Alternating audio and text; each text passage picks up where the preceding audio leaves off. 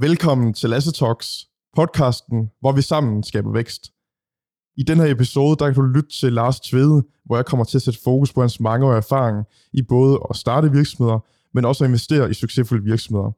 Vi kommer til at tale omkring, hvad der kendetegner de her virksomheder, hvad man skal være opmærksom på undervejs i rejsen, hvad der kendetegner en dygtig iværksætter, og vi taler omkring mindset og psykologi.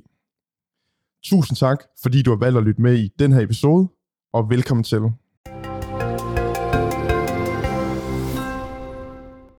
Hej Lars. Velkommen til. I den her episode, der skal vi jo tale omkring øh, de vigtigste learnings fra start af virksomheder. Du har blandt andet været med til at skrive en bog, hvor du har kigget ned i de learnings, som øh, der er i at både at starte, men også at drive virksomheder. Men kan du lige starte med at fortælle lytterne omkring, øh, hvem du er, din historik, og vigtigst af alt, hvad laver du i dag, Lars? Ja, jeg er ingeniør. Altså, jeg kan starte med at sige, at jeg hedder Lars Tvede. Men jeg er ingeniør. Jeg har en HD i udenrigshandel. Altså, det er jo en form for civiløkonom. Jeg har en ret kort, ganske vist, men en uddannelse fra Chicago i øh, derivatives trading, det vil sige handle med futures, optioner, swaps og den slags ting. Jeg har startet lidt afhængig af, hvordan man opgør det, men 13 virksomheder. øh, startet alene eller med andre. Jeg har skrevet 17, faktisk 18 bøger, men øh, 17 er udkommet øh, forløbig.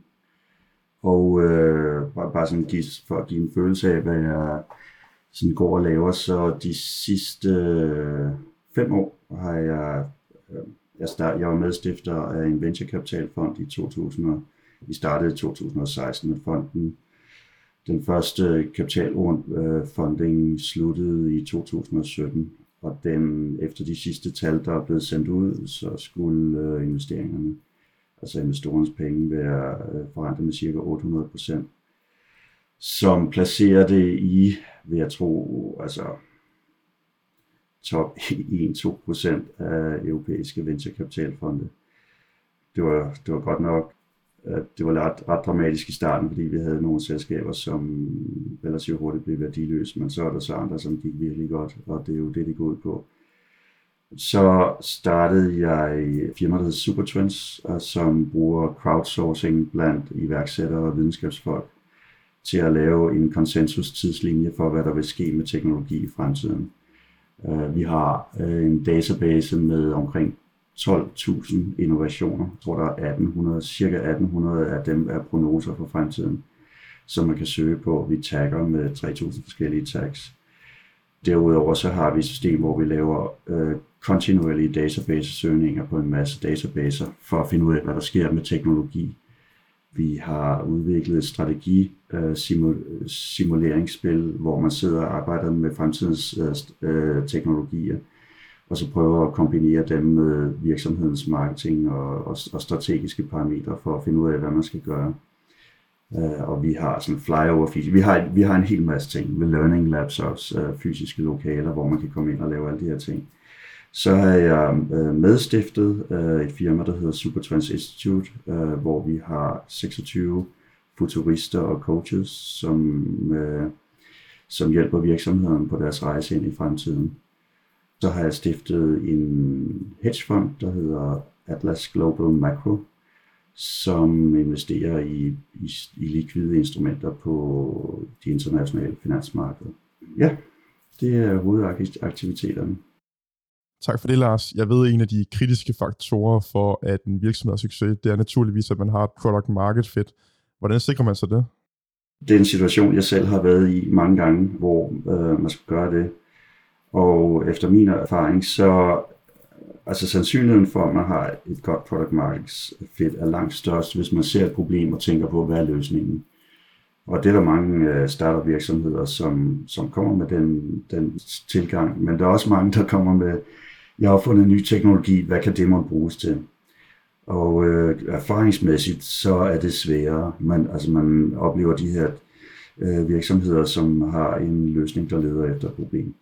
Så hvis man, hvis man kan se et, et åbenlyst problem, og man har fundet ud af, hvordan det her kan løses på en bedre måde, eller i det hele taget løses, øh, så, så er det ret sandsynligt, at man er tæt på et, et product market fit. Men, men det er jo selvfølgelig komplekst, fordi hvilket marked, altså hvem er det, man skal henvende sig til, og, og lige nøjagtigt, hvordan skal produktet udformes. Jeg arbejdede engang sammen med Willy Beckmann, som var øh, folk, som er lidt ældre, kender måske til historien om, han stiftede Carmen Køller, som var et kæmpe iværksætter hit i Danmark. Øh, og han, han øh, lavede La Santa Sport og forskellige andre ting. Og en af de ting, han en dag fortalte mig, det var, at øh, han tog sådan en kuglepen og lagde på bordet, og så sagde han, øh, du arbejder med et projekt, og, dit, og, og her er, hvad du, hvad du har lavet, og det fungerer ikke. Så drejer du lidt, og det fungerer ikke. Så drejer du lidt den anden vej, det fungerer ikke. Så drejer du lidt, og så pludselig er det et kæmpe hit. Øh, så meget ofte i, i jagten på det der product market fit, så er det små bitte detaljer, som kan gøre forskellen på, om man bryder igennem eller ikke bryder igennem.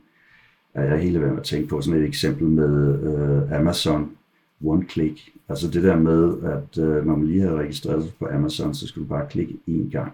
Og så gik der et split second, og så får man en e-mail med, at de køber kræfter, det bliver leveret på det her det tidspunkt. Første gang jeg oplevede det, så tænkte jeg, wow, det der, det, det, det slår alt andet. Ikke? Og, øh, og det kan være, at hvis ikke de havde fået det på plads, altså, så var de aldrig, ligesom, så havde aldrig fået take over, for det var nogle andre, der var løbet med alt det her. Så øh, det, det er noget, noget andet er at, at tale med de mange mennesker om, hvad man laver, og, og hele tiden have det i hovedet. Fordi altså man kan, for, for, for eksempel, jeg læste historien om Palm Pilot, som var den der øh, elektroniske dims for en del år siden til at, at, at administrere sit liv. Øhm, og ham, der udviklede konceptet, han fik lavet bare sådan en, en af tre sådan en mock-up af en Palm Pilot, og den gik han så rundt med øh, altid, og så hver gang han så en eller anden situation, hvor han tænkte, hvad, hvad, vil, hvad skal man kunne bruge, hvordan skulle man kunne bruge sin Palm Pilot til at gøre det her bedre? Så tog han den op, stod og kiggede på den, kiggede på den situation, han var i, og så forestillede han, hvad der ville være virkelig cool at have på sin Palm Pilot. Så det var en måde, hvor han sådan hele tiden efterprøvede det på sig selv. Og det er jo meget ofte, altså det er jo ikke alle produkter, øh, folk laver, som, hvor man selv er målgruppen. Altså hvis man laver målmarkeder, er det ikke sikkert, at man selv er målgruppen til det. Men, men, øh, men meget ofte, så skal man jo forestille sig, en persona, som det hedder i marketingsprog, altså en person, øh, skal man tænke, den der person, vil den person egentlig have det her? Altså kan jeg virkelig altså, forestille mig, at det vil være super godt for den person at købe det her? Øh, personen kan så være en person, som arbejder i en virksomhed, men man sælger jo ikke til virksomheder, man sælger til personer stadigvæk. Og allerbedst, hvis man selv øh, ligger inden for, den, for målgruppen, så må man altså sådan spørge sig selv, ville jeg virkelig købe det her, eller bruge det her, og under hvilke, under hvilke omstændigheder vil jeg selv gøre det. Så det er en del af den rejse til at finde sit product market fit, som man skal på. Jeg husker også, at du omtaler i bogen iværksætter, at produktet skal sådan være så godt, at godt halvdelen af kunderne de vil blive direkte skuffet, hvis produktet det blev taget af markedet, eller det ikke eksisterede. Det er også en god måde at sige det på. Ja, jeg vil blive direkte, hvis, altså hvis, nu nævnte jeg Amazon før, jeg vil blive mega irriteret, hvis Amazon ikke var der, ikke? Så godt er det. Og det er der masser og masser af produkter, som jeg bruger, hvor jeg ville finde det virkelig, virkelig irriterende, hvis det ikke var der mere. Så det er korrekt, at, at det der med, at, at godt halvdelen skal blive decideret irriteret, hvis det ikke er der længere, det er jo en god øh, trykprøve for, at man har et product market fit. Men det er et super godt råd, og klart det er noget, alle scale-ups kan relatere sig til, det der med, at man også lige justerer hen ad vejen, men også bare generelt, at man lige holistisk tænker, at det er vigtigt at komme rigtigt fra start, og ikke nødvendigvis hurtigt fra start. En kombination af begge ting er nok altid at, at foretrække i et marked, men, øh, men det der med lige at, som jeg hørte dig sige, at lave noget research, noget analyse, og, og bare sådan helt lavpraktisk tale med de potentielle kunder, der, der er i det her marked, inden man, øh, inden man lancerer den endelige version. Ja, altså selv, selv hvis man laver noget, som øh, for omverdenen ser ud som om, at man ramte det lige øh, rigtigt fra starten, så når man så dykker ned i de her iværksætterhistorier, så har de lavet en masse pivots, og der er masser af historier om store, store succeser, hvor det startede med noget helt andet. Groupon, altså nu ved jeg ikke, hvor stor en succes det er, det har været på lang sigt, men Groupon, det startede med noget til, at man kunne bestille pizza sammen og så fandt jeg ud af, at øh, det, var ikke, det var der ikke så stort marked for, om til gengæld, hvis man sådan generaliserede, det var der. Så altså noget andet er at snakke med folk. Tal med en hel masse mennesker. Fortæl dem, hvad, hvad, hvad du har gang i. Og så øh, rigtig mange vil sige, nå, du gør sådan og sådan, og så den måde, de siger det tilbage til en, er faktisk bedre, end den måde, man selv sagde det til dem. Så de sådan bygger lidt videre på historien og gør den bedre, og, øh, og det tager noget tid. Og man, man har jo det der udtryk, der hedder, man har nogle udtryk i Silicon, der kommer fra Silicon Valley-kulturen. Den ene hedder pivots, og det er sådan et dansetrin, hvor man siger, ah, vi skal ikke lige den her vej, vi skal den her vej. Og, og det, lave, det har der typisk i startup virksomheder, også dem, der ser ud som om de ramte øh, rigtigt fra starten. De har lavet masser af pivots. Og det andet er det, man kalder fail fast forward, og det er, at du kommer til at lave en masse fejl. Og, og så skal man bare så lynhurtigt lære, og så skal man lave en lille justering, altså ligesom øh, Beckmans øh, små justeringer, eller man skal lave en pivot, som er en stor justering. Ja, en ting det er jo direkte fejl, noget andet det er jo, om virksomheden sikrer sig en overlevelse på lang sigt, fordi det er jo egentlig således, at op mod 75% af vækstiværksættere, de overlever ikke inden for tre år. Ja. Hvordan kan det være? Der er rigtig mange øh, ting, der går galt, når man starter der og ikke har kunder og, og, og jeg øh, meget ofte ikke har penge. Altså, Mads Farhold og jeg, vi, vi skrev den her bog. Jeg har ikke øh, øh, længere den danske udgave hos mig, men jeg har den engelske udgave. Og der, der i første omgang, vi holdt nogle ferier sammen, og så, og så tog vi en hel masse noter baseret på vores egne erfaringer med startups. Og i den danske version, der står så, hvad vi lærte af at starte 30 virksomheder. Så i først så kaldte vi, kaldte vi den, hvad vi lærte af at starte 40 virksomheder. Øh, så skrev vi så liste ned over alle virksomhederne, og så altså, nogle af projekterne var der sådan rigtig mange founders, som man ikke rigtig kunne sige, at man selv var founder. Så, så vi barberede med, i, i øvrigt så især masser af siden startede en del virksomheder, så i den brede version var oppe på 50 eller sådan noget. Men, men øh, men vi, vi lavede så også, bagefter så lavede vi litteraturstudier, og der der var masser og masser af kilder. Og, og det er fem årsager ifølge statistikkerne, som i øvrigt også noget, som vi kan genkende fra vores egen erfaring. Det første er det, vi lige snakker om, det er dårligt product market fit. Uh, hvor den værste, det er en eller anden esoterisk teknologi, som leder efter en eller anden anvendelse. Så er der konflikt blandt stifterne. Uh, vi refererer et studie, hvor, som sagde, at over 60% af alle failures uh, blandt vækst-startups skyldes, uh, at der opstår konflikt blandt stifterne. Så er der det, man kalder præmatur øh, acceleration. Øh, der, der findes et godt udtryk, der hedder nail it before you scale it. Altså, man skal ikke begynde at, at bygge organisation og, og kæmpe salgsstyrke, eller, eller hvad man nu skal bruge op før man er sikker på, at det her, det har det rigtige product market fit. Og det, og det er for eksempel noget, altså hvis jeg skal vælge, hvad har jeg selv gjort mest galt, så er det nok det der præmatur acceleration, at jeg, jeg kører for hurtigt frem nogle gange. Så der ubalanceret vækst, og det har altså stort set alle virksomheder, også etablerede virksomheder, kan man nok argumentere for, har vel ubalanceret vækst på forskellige tidspunkter hvor det kan være, at salgsstyrken er for stor øh, i forhold til evnen til at levere produktet, eller omvendt der er for meget marketing, der er for lidt salg eller et eller andet. Og, og, og det løber man altid ind i med startups, og det kan være helt gralt nogle gange, altså hvor jeg vil sige, det typiske er, at produktet er forud for salget i en periode.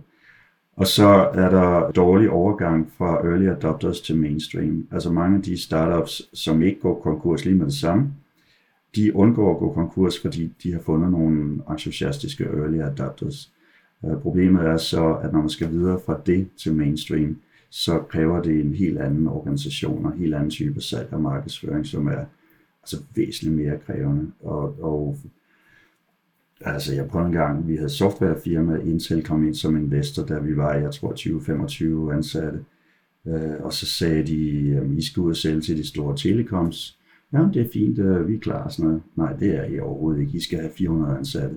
I skal for eksempel have en testfacilitet med alle typer og varianter og computere for at teste, hvordan det fungerer. I skal simulere satellitkommunikation og kabelkommunikation og terrestrial kommunikation og whatnot.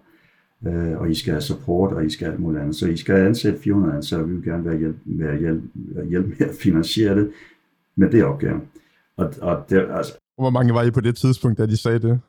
Jamen, vi var 20-25, så vidt jeg husker, var vi 20-25 stykker, og det var bare sådan, uh, okay, I skal lige bestige et bjerg, som er temmelig stort. Og ja, det var, altså, det var ved at, at, at slå os ihjel bare at kravle op af den der opgave, ikke? man bruger, og så at al den tid, man skal bruge på at drive forretningen, det bruger man på ansætte. Ikke?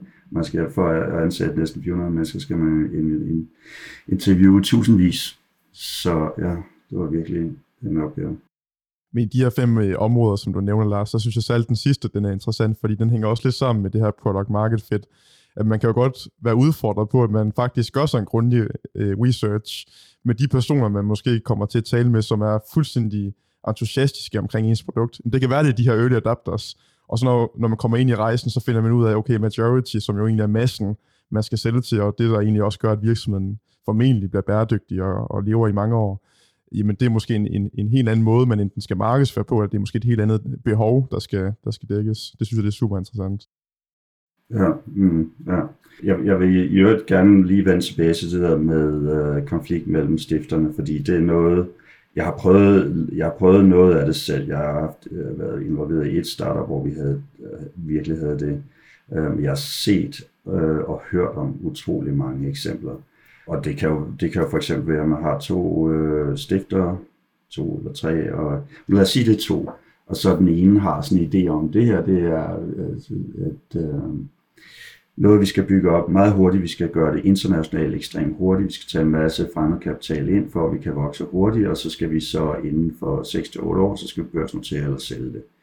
Men den anden stifter tænker overhovedet på den måde. Den anden stifter tænker, det her det er mit job. Jeg vil gerne bare have foden under eget bord, og jeg vil gerne arbejde i den her virksomhed resten af mit liv.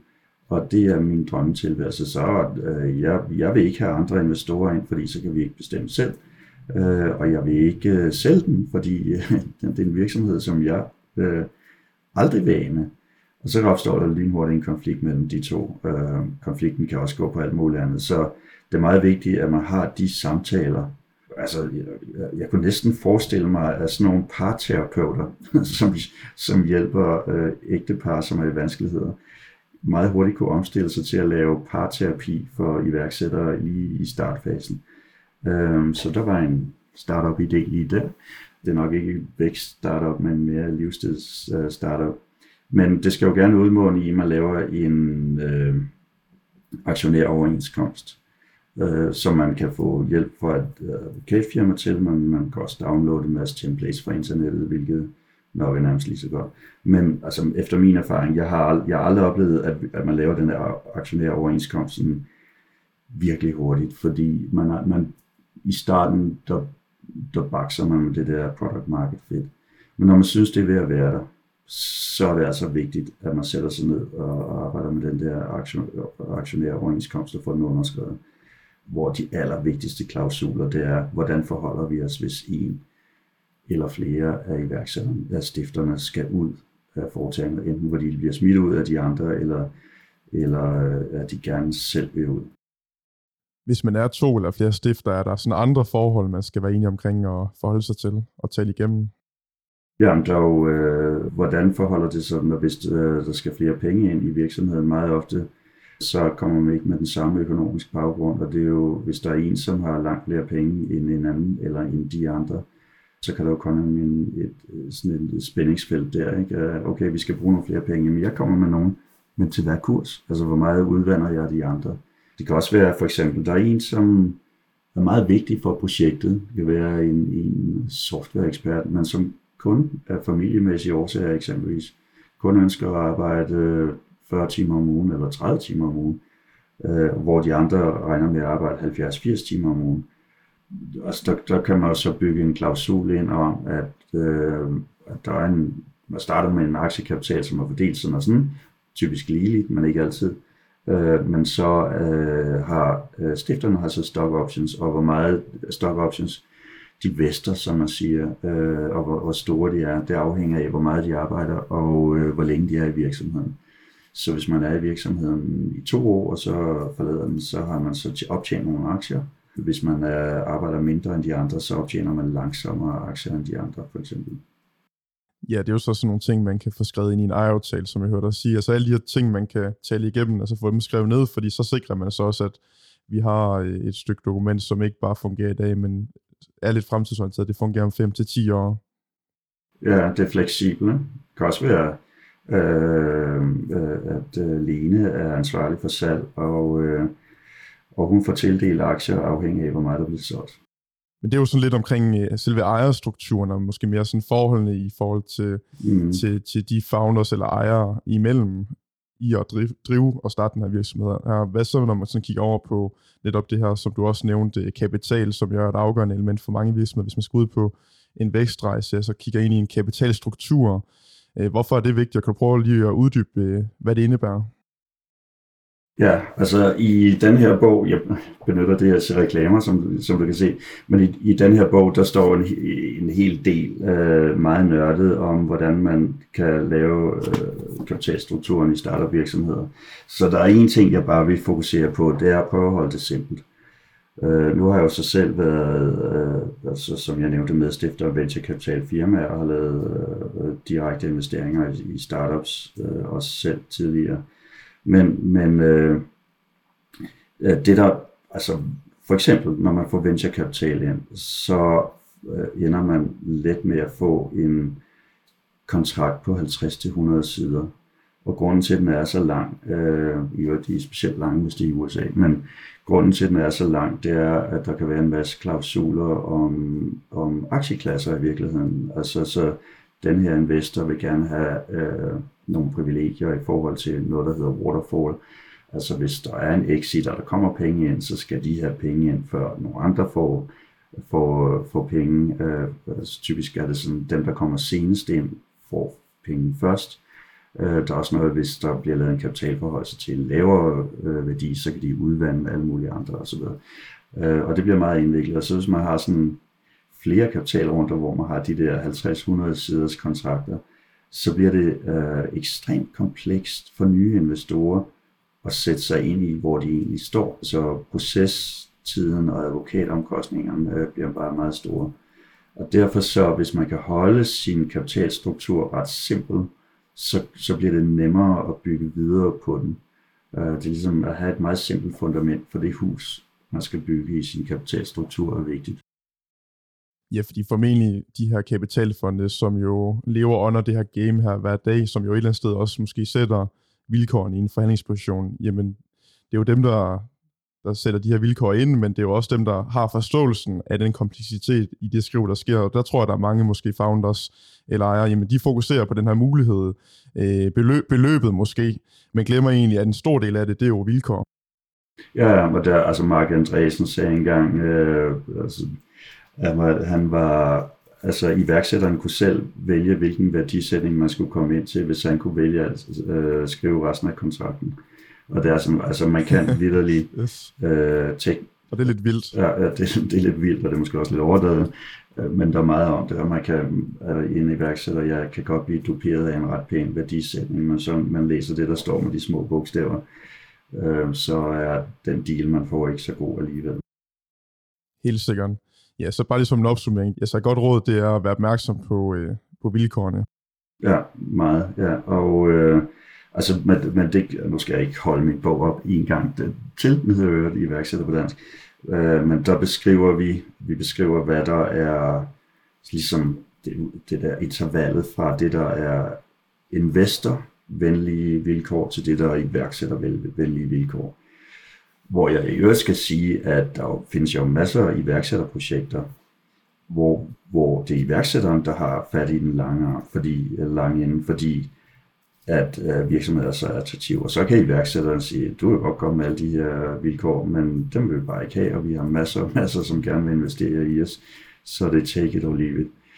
Øh, så ja, der, der kan også komme sådan nogle øh, nærmest konkurrencer blandt investorerne, ikke? og så sender de nogle super simple korte, øh, ukomplicerede tilbud, øh, bare for at komme med. Så er det jo klart nemmere at sige ja til. Det, det giver god relevans. Hvad så, når man skal ud på den her vækstrejse her? Hvordan sikrer man sig, at man har det rigtige mindset til vækst? Og det er jo noget, som jeg selv har interesseret mig rigtig meget for, og øh, jeg, i den i, her til juli i år, der forærede jeg børn og venner og alle mulige andre en, en, nogle bøger om mindset, fordi jeg synes simpelthen, det er så vigtigt i livet. Og den, som jeg havde købt flest i julegaver af, det er den her, som hedder sjovt nok bare mindset, og det er skrevet så af en Stanford-psykolog. Og det handler om forskellen mellem growth og mindset. Og lige, jeg, jeg synes, det var meget interessant lige at dy, dykke ind i den. Uh, men der var sådan en, en anden en, uh, en anden en, den hedder Serendipity Mindset, og den handler om at være, hvordan man kan blive heldig og bruge held. Uh, så var der en her, der hedder Grit, og om viljestyrke, altså bare klø på, i, når man har modgang. Der er også noget, der hedder øh, growth eller, eller exponential mindset, altså det er så evnen til at, at, at forestille sig en verden, som er, er meget anderledes fremover, end den er nu. Men jeg synes, at øh, den her, det er nok den vigtigste. Og jeg vil gerne jeg vil egentlig gerne tage udgangspunkt i Steve Coveys bog, øh, fordi han, han laver en sondring hvor, mellem tre stadier i livet, og tre mentale stadier, hvor han siger, når, når man bliver født, er man dependent person. Altså man er afhængig af sine forældre øh, i et overvejende. Det er jo så meningen, at man måske i stedet mellem, når man er 14 og 20, så skal man jo gerne tage ansvar for sit eget liv øh, og så bliver man independent. Øh, det er der så nogle mennesker, som ikke gør. Øh, dem, som ikke gør, øh, de søger måske ind i en eller anden afhængighed af velfærdsstaten, eller en eller anden meget dogmatisk ideologi, så ligesom de tager al deres læring og al deres vejledning fra en enkelt bog, om det er Maves Lille Røde, eller det var det engang til et eller andet andet. Øh, men mange af dem, øh, som stadigvæk er afhængige, de falder ind i noget, der hedder Karpmans drama-trekant som er et dysfunktionelt psykologisk spil mellem folk, som er øh, tager offerrollen, bedrerollen og krænkerrollen. Øh, og altså, det er en del år siden, der var en psykolog, der lige nævnte det til mig til en frokost. Øh, og så læste jeg op på det, så tænkte jeg, hold op, altså virkelig meget, man oplever i verden, øh, og i politik, og i virksomheder, og i privatliv, det er, falder ind under det her karmas drama trekant. Og det er for folk, som er afhængige. Så hvis vi lige skal tage den hurtigt, altså der er jo de der mennesker, som altid spiller offer. Alting, er, er, alting, der ikke fungerer godt i deres liv, er andres skyld og andres ansvar. Så er der krænkerne, som siger, at de siger sådan set det samme. De siger, at øh, alting er andres skyld og andres ansvar. Om de peger på bare på noget specielt og siger, at alting er jeres skyld, jeres ansvar. Øh, Hitler sagde, det var jøderne. Ikke? Men, øh, og så er der redderne, og det er det der red verden. Øh, og, og de mennesker, som, mange af de mennesker, som taler rigtig meget om at redde verden, øh, er ikke særlig produktive, og de er sådan set ikke styr på deres eget liv, og det kompenserer de så ved, ved at, at påtage sig den her konstante øh, redderrolle. Og der, det, der så meget uheldigt sker, det er meget ofte, så, så låser det her mønster sig fast, så, så offrenes, øh, redderne søger offer, og hvis de ikke kan finde offer, så skaber de offer, for at de kan være i den der redderrolle, de gerne vil have. Og, og de gør så offerne til det helt hjælpeløse, så offerne ikke rigtig kan komme videre i deres liv. Nå, men øh, heldigvis så er der rigtig mange mennesker, som kommer ud af det, og så bliver de selvstændige mennesker, tager ansvar for deres eget liv. Øhm, øh, de har øh, det, man kalder locus of control, øh, hvor de, øh, deres fokus er på, hvad de selv kan kontrollere. Øh, det vil sige, at de bruger deres tid, både mentalt og altså, altså tiden, klokken, uret, timerne, øh, det bruger de øh, helt overvejende på ting, som de, øh, som de selv kan påvirke.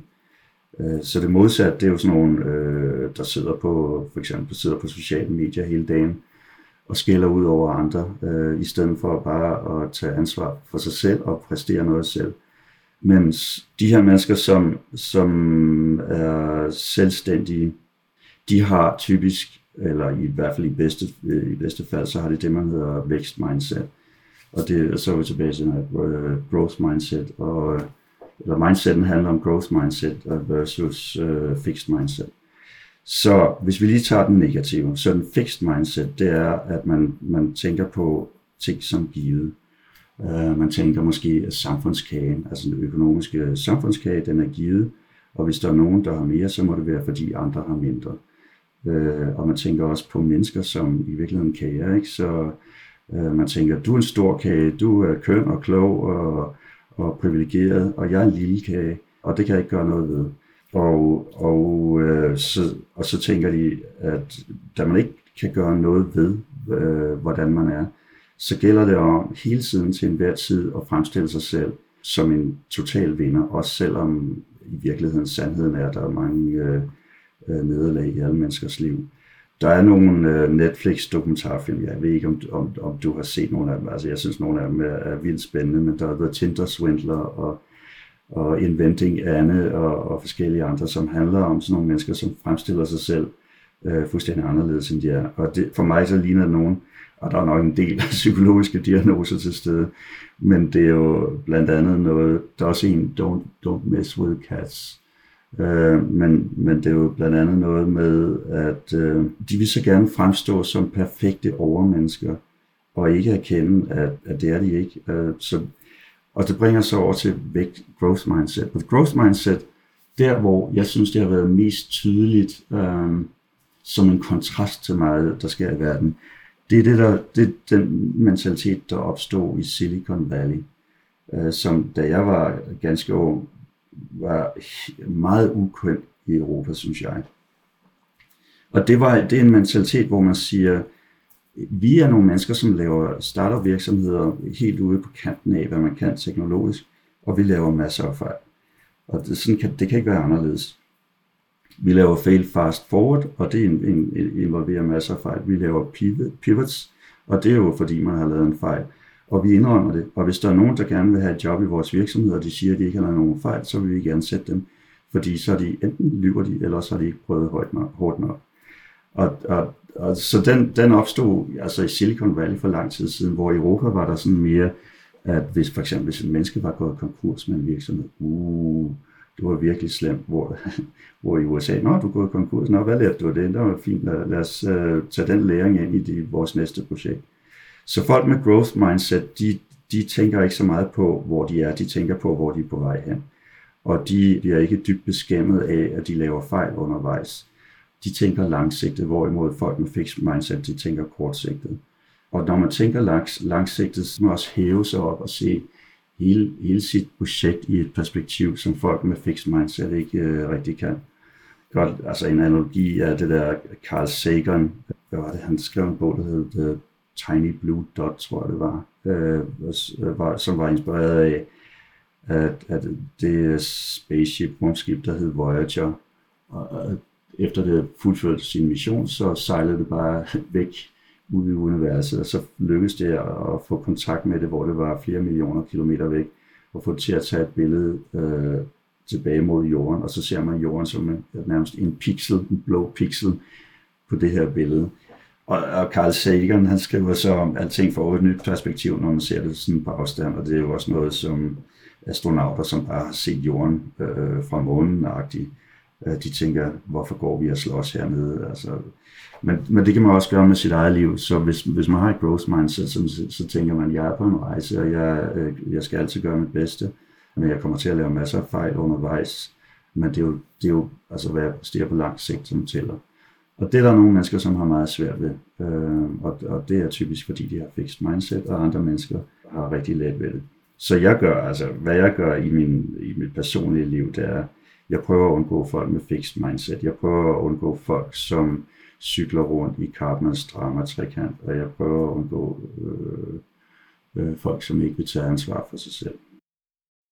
Lige præcis der, der synes jeg faktisk, du siger noget vigtigt, at det også er i dit personlige liv, fordi det her, det handler jo ikke kun omkring, hvordan er man som iværksætter, eller hvordan er man i en proces, hvor man skal starte en virksomhed. Det kan jo være alle typer af mennesker og ens privatliv. At man bare skal, skal tænke over og reflektere over, jamen, hvad er det egentlig for et verdenssyn, jeg har?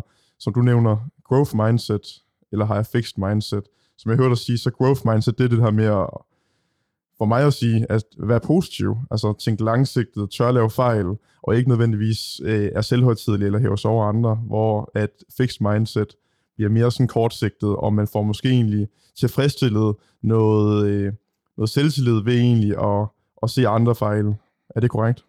Ja, ja det er korrekt. Altså, når folk med fixed mindset, de, de synes ofte, det er enormt dejligt at se andre fejle, og man har jo de der øh, for eksempel dameblade, hvor der har de sådan, altså der, der er rigtig mange gode dameblade, nogle er fremragende, øh, men, men, men der er de der dameblade, og så tager de et billede af en eller anden kendt skuespillerinde, og så zoomer ned på et eller andet, og så har hun fået en dele, eller blevet lidt tyk, eller, eller har øh, nogle kiksede sko på, mener journalisten. Og så sidder øh, folk og fryder sig over den her øh, succesperson, som har lavet en fejl. Og det er sådan en fixed mindset, og, og Karpman drama trekant, øh, når det er aller, aller værst. Ikke? Og, og, og det modsatte, det er jo altså det der, jeg har faktisk citat et sted, men Michael Jordan, jeg kan ikke lige finde det her, men Michael Jordan, han har jo sådan, som er jo fuldstændig fantastisk basketballspiller, ikke? han har jo så lavet sådan nogle udtalelser, hvor han har optalt, jo, jeg har det her, jeg har, jeg har misset flere end 9.000 skud i min karriere. Jeg har tabt næsten 300 øh, kampe. 26 gange er en kamps afgørende skud blevet betroet til mig, men jeg har misset. Jeg har fejlet igen og igen og igen i mit liv. Men han, altså helt overordnet, så er han en succes. Men at, at sige sådan noget, det er jo udtryk for growth mindset. At man laver mange fejl. Øh, og jo, jo, jo mere man prøver på at være en stor succes, jo flere fejl laver man. Det er der nogen, der forstår, og der, der er nogen, der ikke forstår det. Og, og jeg vil bare sige, at, at min erfaring er, at dem, som, som forstår, at der er mange fejl involveret i store succeser, de klarer sig langt bedst. Og det kræver så også, at altså, man er der for the long run. Altså uanset hvad mindset man må have, så, så har man med al sandsynlighed den samme modgang, så bare på forskellige størrelser, men der er jo så forskel på, hvordan man, man ser modgangen, eller hvordan man takler modgangen. Og netop det her med modgang, kan man jo ikke komme uden omkring i netop at starte virksomhed, fordi altså, jeg tror, iværksætter, de er jo verdensmester i at løse udfordringer. Det er jo det, der er en del af jobbet. Det er at stå i jobbeskrivelsen og løse udfordringer. Hvordan, øh, hvordan takler man modgangen? Jeg, jeg vil gerne lige sige inden det, at nu har jeg taget lige den her bog med, også som hedder Serendipity Mindset, som handler om, om held. Øh, så der er en række teknikker til at blive mere heldig end, end ellers. Øh, og det er der nogle forskere, som har kigget på, øh, blandt andet ham her, Christian Bush, som har skrevet den. Der er også en, der hedder Weissmann, som har lavet en masse lykkeforskning. Så det der modgang, øh, mængden af modgang, man får, afhænger lidt af, af, af mængden af held og lykke, man får.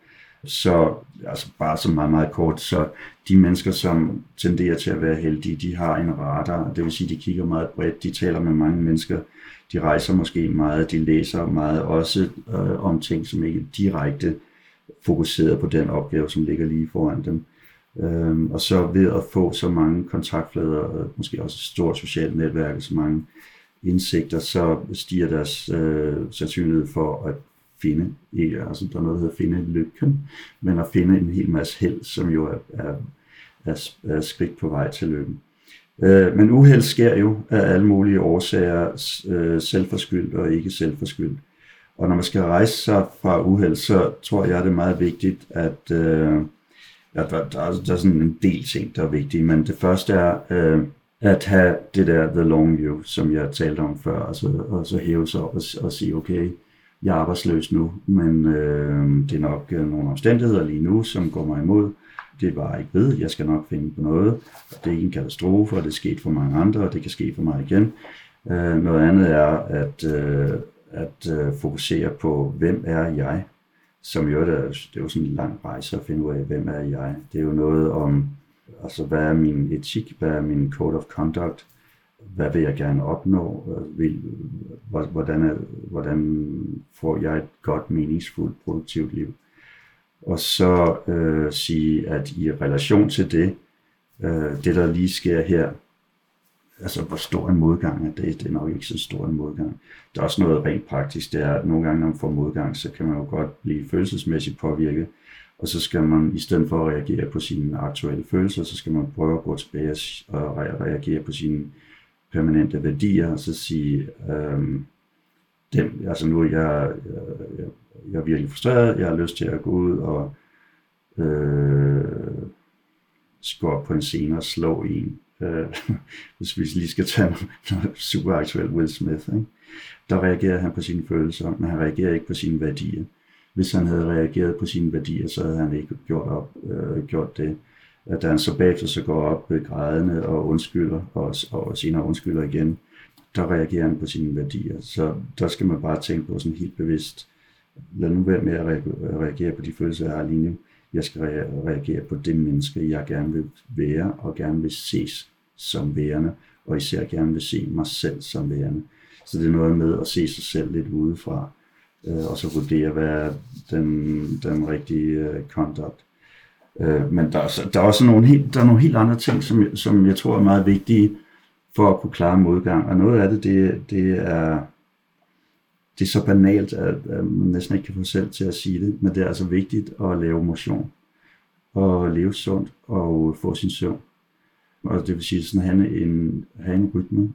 Stærk sind i stærk krop er jo et, øh, et slogan, som giver masser af mening. Hvis man er usund, øh, lever et, et øh, uregelmæssigt liv, så er det sværere at takle modgang.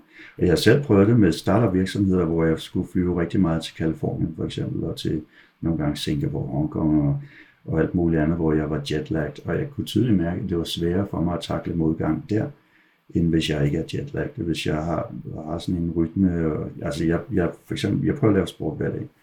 Ikke mega meget, jeg er ikke sådan super øh, top veltræner, men, men laver sport hver dag. Øh, ser solen komme ud, for eksempel når jeg står op, øh, kommer ud, øh, bevæger mig med samme, ser lyset, så kroppen står, og nu er det dag. Øh, det bidrager meget til, at, jeg, at kroppen også forstår, at nu er det nat senere, og så kan sove osv. Så sådan nogle ting er vigtige øh, så også at tale med andre om det, altså at øh, igen vise growth mindset, og det sige, øh, sige ja, det her er ikke godt, det, øh, men, men det er der, og det er ikke noget, man skal gå og brænde ind med. Når man hører de der historier om skoleelever eller andre, som pludselig går ud og dræber en masse mennesker i dyb frustration, så et fællestræk ved, ved rigtig mange af historierne er, at der er ingen, der anede, at de havde øh, det her problem. Øh, så de gik med det helt alene. De ville, de havde, de havde fixed mindset, de ville ikke fortælle om, at der var noget, der var galt. Øh, de, de var ekstremt flove, indebrændte, og så pludselig så eksploderer det. Ikke? Så man skal, man skal kommunikere om det, men på en konstruktiv måde. Så nogen har jo så øh, den meget overskudsagtige øh, façon, fasong, at de sådan relativt hurtigt kan grine af sig selv. Og så at i det øjeblik, man kan grine af sig selv, gerne med andre, så øh, begynder det at hjælpe alt sammen. Det er mange super gode råd, og så kan det godt være, at nogle af dem er simple eller banale, men så er der jo rigtig mange ting i verden, at det er ikke raketvidenskab, men det er at lige få nogle reminder på det og fokusere det og få det i disciplin, giver jo super god mening.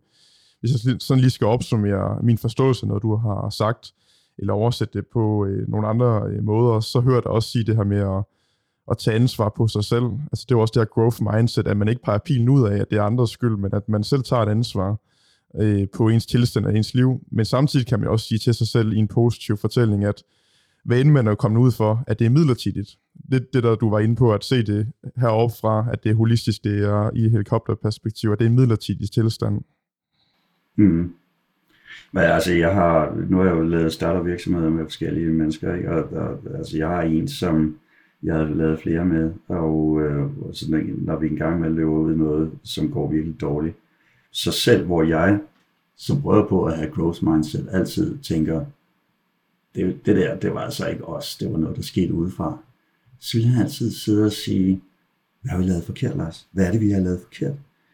Øh, hvor jeg tænker, det, det var ikke os, det var men så får han jo alligevel fortalt mig, jamen vi var jo i den situation, hvor det her kunne ramme os. Hvad kunne vi have gjort, så vi ikke var i den situation, hvor det kunne ramme os? Så nå ja, ja det har du også ret i. Vi kunne selvfølgelig have gjort sådan og sådan, så kunne det ikke ramme os. Øh, så ja, det er altid, altså det, det er lidt af en indsats altid at gøre det her. Det er jo resilience uh, mindset, det der med, man, uh, at, at uh, hvis, man, hvis man siger, i am okay. Og der nu kommer vi så ind i et andet hjørne af det, der hedder positiv psykologi, hvor der, hvor der er sådan en holdning, der hedder I am okay, you are okay. Så øh, det er det, jo, vi bliver aldrig færdige med Steve Covey, fordi vi, vi snakkede om, hvordan man kom fra at være independent, uh, øh, de, uh, dependent til independent. Men det tredje niveau, det er interdependent, og det er der, hvor man er rigtig god til at lave win, frivilligt win-win samarbejde med andre.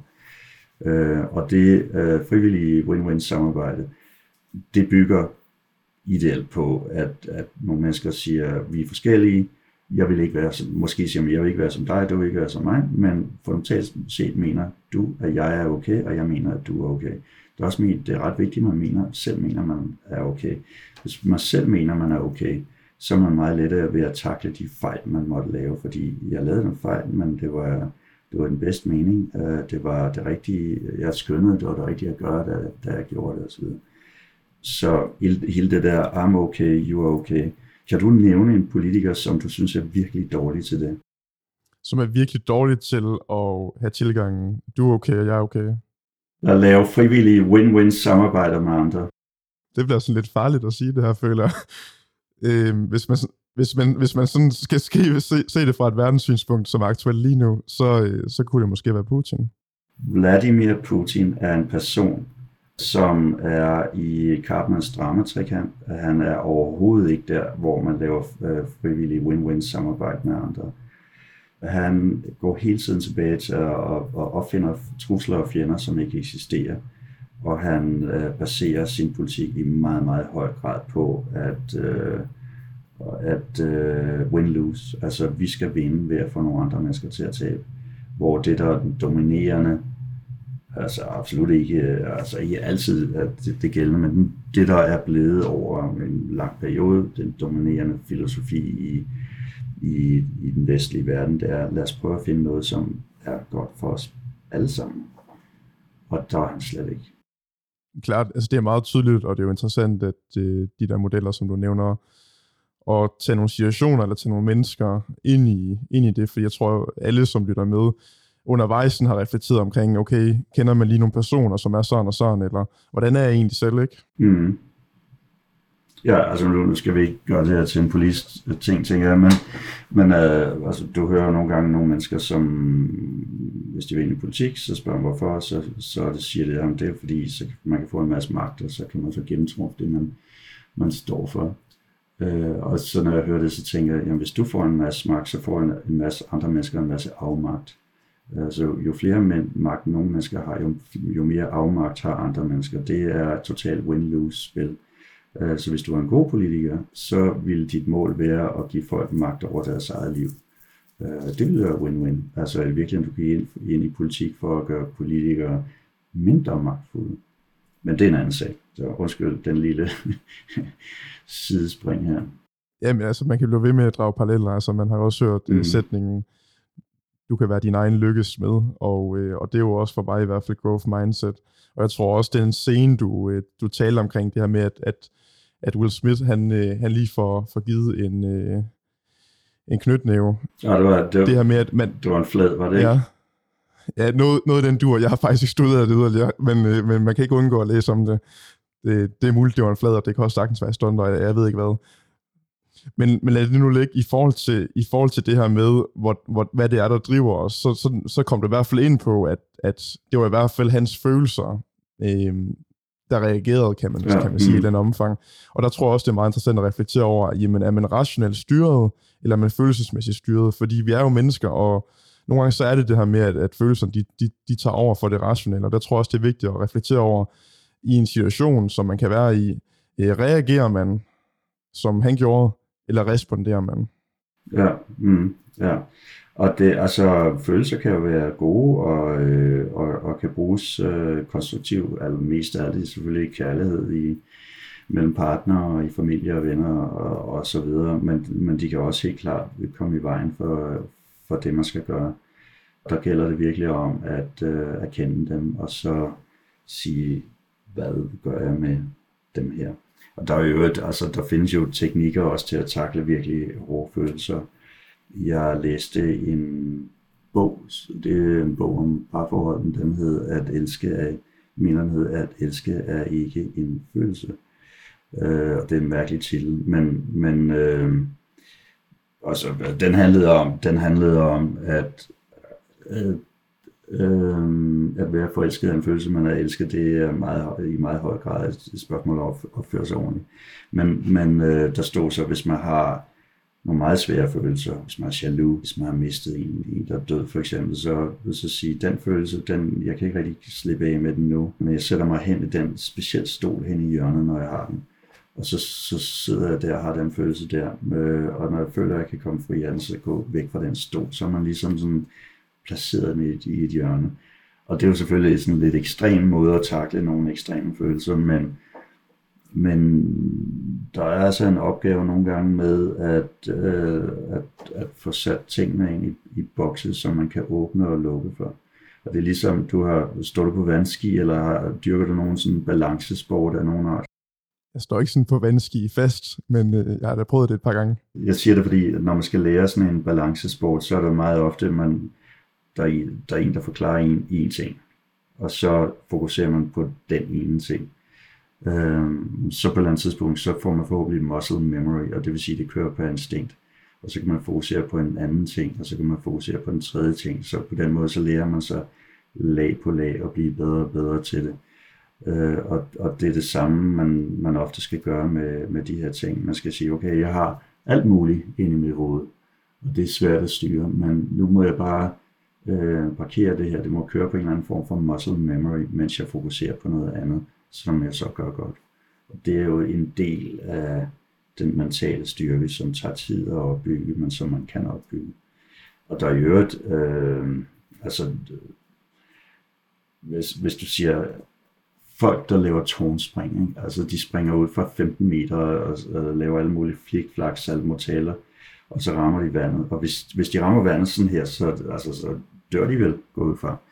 Så man kan sige, at de stjernepsykopater, når de gør det? Nej, det er det ikke. Øh, de har simpelthen lag på lag lært sig selv at køre noget på muscle memory. Øh, så der til sidst er ekstremt lidt, de egentlig skal koncentrere sig om. Og det, det er jo det, man, man gør med rigtig mange ting i livet, som man lærer sig. Øh, og så til sidst så kan man noget, hvor folk siger, at det var dog helt utroligt vedkommende kan det. Øh, og, og, og hvis det, du er jægersoldat eller tårnspringer eller eller øh, i Schweiz, hvor de kører ned af de der mountainbikes med sindssygt høj kapacitet. Så min, sådan min første reaktion, når jeg ser dem, det kan være, enten er de psykopater, eller også er deres neokortex ikke vokset sammen, for det er fuldstændig vanvittigt, hvad de er i gang med. Men de har jo bare bygget lag på lag af talenter, indtil, indtil det hele kører på, nærmest på automatik, og så, og så kan de det der. Det er jo vel lidt at sige, at man ja, trækker vejret uden at, at tænke om, og i går uden at, at, at tænke over det. Ja, mm, ja. Øh, man gør sindssygt mange ting uden at tænke over det, og øh, hvis man er i England og så skal gå over en fodgængerovergang, så er de jo skrevet, hvad vej man skal kigge til. og det gør man så. Øh, man kan ikke, jeg kan i hvert fald ikke lade være med at kigge til den anden side også, fordi jeg har en eller anden form for muscle memory, kan man kalde det, som siger, at jeg skal kigge til den anden side også. Øh, så jeg har sådan et instinkt om, at jeg går ind i døden, hvis jeg ikke kigger til begge sider. Så. Okay. Hvis man skal prøve at drage det over i en arbejdsmæssig kontekst, der, der tænker jeg også sådan helt klart på ordet erfaring altså gentagelser, ja. gentagelser i en ja. karriere eller et job. For jo flere gange du er mødt af modganger og kommer igennem de her, kan man kalde det, barriere, jamen der står du også stærkere anden, tredje, fjerde gang end den første gang. Ja, og hvor, altså hvor man siger, når, altså mentalt så siger man, at det her det er jo bare situation 27b i min manual. Og øh, den takler jeg sådan og sådan, ikke? så det er ikke sådan øh, forfar, forfar, forfar det er jo altså på den måde, at, at, at øvelse gør mester. Absolut. Ja, man hører også de der udtryk som venstrehåndsarbejde, eller det er rutine, eller, men hvorfor bliver det det? Det er det jo ikke til at starte med, jo. Ja, det er det ikke til at starte med, og, øh, men, men det bliver jo, man er jo typisk bedst til det, hvis det er øh, rutine, men der er sådan en lille smule fokus og indsats ovenpå. Altså for eksempel, hvis jeg, hvis jeg skal holde den samtale mange gange, så vil jeg sige, at første gang jeg holder den, er ikke den bedste. Altså min egen erfaring er, at det er nok tredje eller fjerde gang, hvor jeg når sådan et, et plateau. Så ligger jeg så på det plateau et stykke tid. Men til sidst begynder min tale at kede mig. Så den begynder at kede mig så meget, så jeg står og tænker på noget andet, mens jeg holder den. Øh, og så begynder kvaliteten faktisk at gå nedad. Og det skal jeg så løse ved at ændre den. Øh, selvom den egentlig er god nok, så er jeg simpelthen nødt til at ændre den, for ikke at kede mig, mens jeg holder den. Ja, der skal man lige have styr på sine tanker. Jeg kommer til at grine lidt, fordi jeg tænker, når jeg nogle gange læser i en bog, så kan man godt samtidig læse, og så begynder ens tanker at tænke på noget andet, mens man læser. Ja, og, det har jeg virkelig oplevet, mens jeg holder taler. En gang så, så øh, afbryder jeg mig selv og kommer med det der strøgtang, jeg lige har fået. Der var øvrigt en, en øh, jeg, huske, jeg, jeg, jeg tror faktisk, jeg læste, jeg læste, der er to bøger, som handler om succesrige øh, TED Talks. Øh, den ene hedder Talk Like TED, god til. Og jeg mener, det var der, jeg læste, at det faktisk virker ret godt, hvis man afbryder sig selv. Øh, fordi det er mere engagerende, altså det er ikke så meget sådan, bla, bla, bla, ligesom at læse op en bog, men man mærker et menneske, når mennesket pludselig øh, får en spontan tanke. Ja, okay. Hvordan kunne det være, at altså man, man simpelthen holder en kunstpause, eller lige siger, øh, vi tager det lige igen, eller opsummerer? Nå, men det er bare, hvis man, hvis man er det, altså folk, altså typisk folk, der holder tæt talks, har jo nok holdt øh, nogle af den samme tale mange gange, men, og det vil sige, at de er typisk i den situation, at de, at de faktisk står og tænker, på associationer og strøgtanker undervejs, øh, at så er det egentlig øh, ret fint eller okay, øh, eller godt at, at sige, hvilket jo minder mig, at der er på vej hen til det her, så kom der en bil kørende, og den var rød, og så, og så fortæller man den her historie, som er fuldstændig spontan. Man havde ikke tænkt på det 10 sekunder før man begyndte at sige det. At sige det.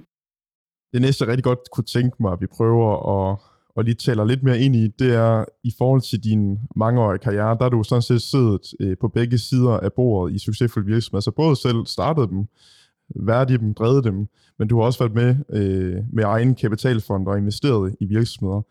Undervejs i snakken, der har vi jo talt omkring flere forskellige learnings, men hvis du sådan skulle opsummere sådan de, de vigtigste learnings i, i succesfulde virksomheder, hvad skulle det så være? Blandt andet så ved jeg, at du, du har rigtig meget viden omkring øh, salgsdelen. Og det, det er jo et meget, meget bredt spørgsmål, du, øh, du stillede mig der, så jeg, jeg vil svare på sådan et, et meget højt metaplan. Jeg synes, det er meget vigtigt, at man forsøger at lave produktudvikling konstant, ikke kun med de produkter, som man sælger, men med alt øh, som virksomheden har gang i. Og nu nævnte du lige salg. Ikke? Der er jo, altså, man har jo noget, der hedder en salgstrakt. Øh, en salgstrakt kan for eksempel være, at man, øh, man har nogle aktiviteter på sociale medier.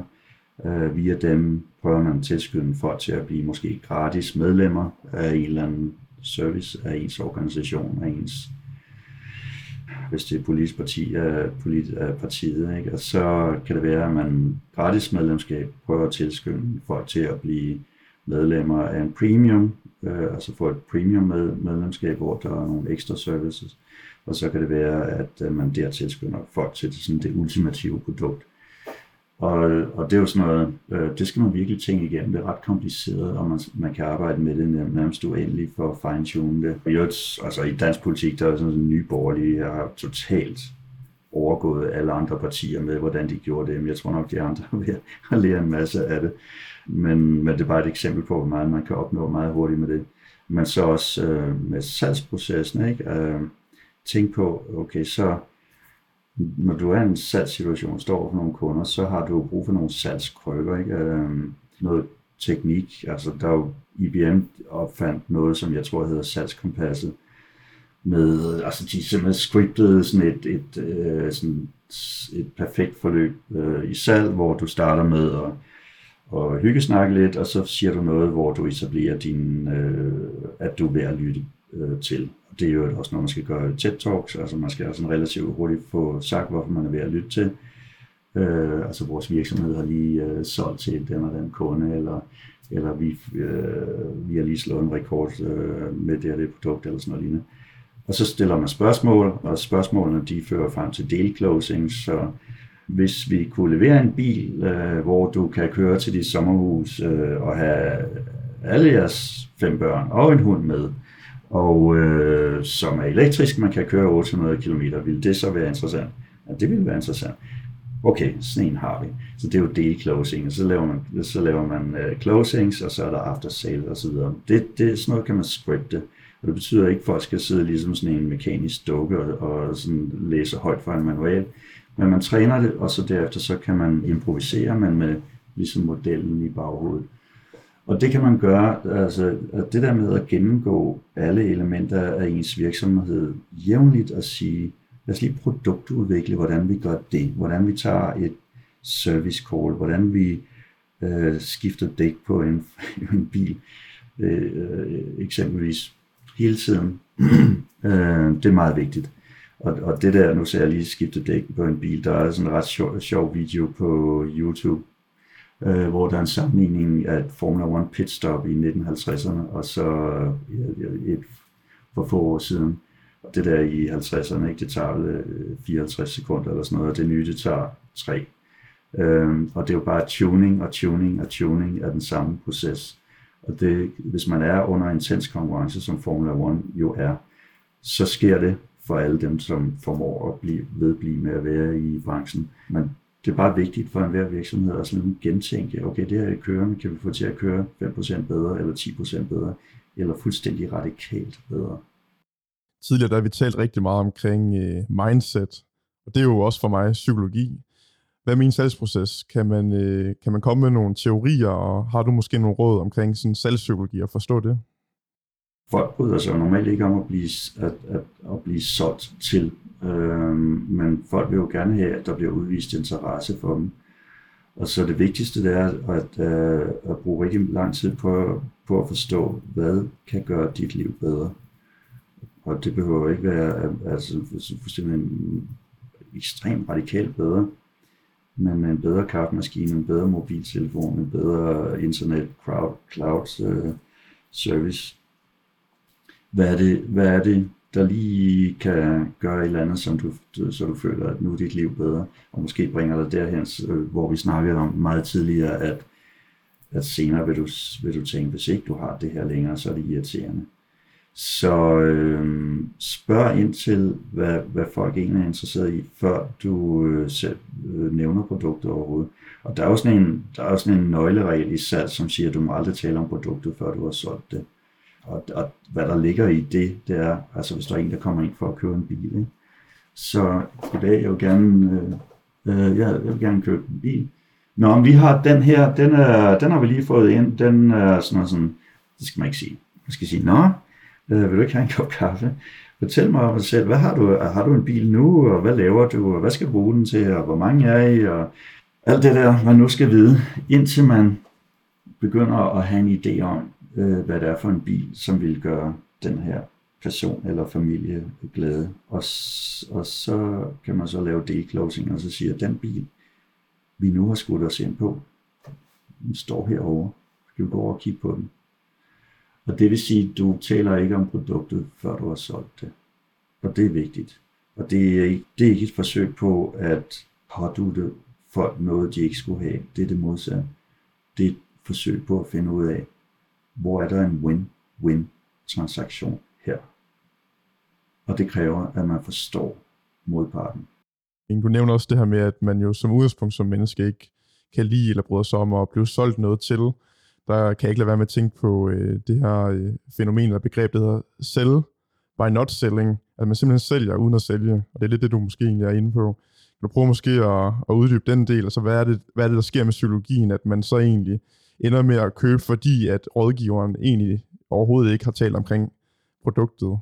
Ja, men altså, der er, jo, der er jo noget, der hedder negative selling, og, og nu kommer jeg i tanke om, da jeg gik i gymnasiet, så øh, på et tidspunkt havde jeg ikke, en, ikke nogen kæreste, og jeg havde sådan en veninde i min omgangskreds, og hun havde heller ikke nogen kæreste, men vi skulle heller ikke være kærester, hende og jeg. Men så sagde hun, har du ikke lagt mærke til, at det er nemmere for en kæreste, når man har en i forvejen? Og så, hvad? Så siger hun, ja, når, når man har når man har en kæreste, så er der en masse, der flørter med en. Når man ikke har en, så er de sådan lidt bange for en. Så fandt vi ud af, okay, når vi mødte op til en fest, skolefest eller en eller anden privat fest, så kom hun og jeg, vi kom så arm i arm eller hånd i hånd, øh, og, og udviste lidt interesse for hinanden i starten, og så gik vi hver for sig. og så var det virkelig nemt at få en kæreste, når vi gjorde det på den måde der. Og det er altså negativ selling, ikke?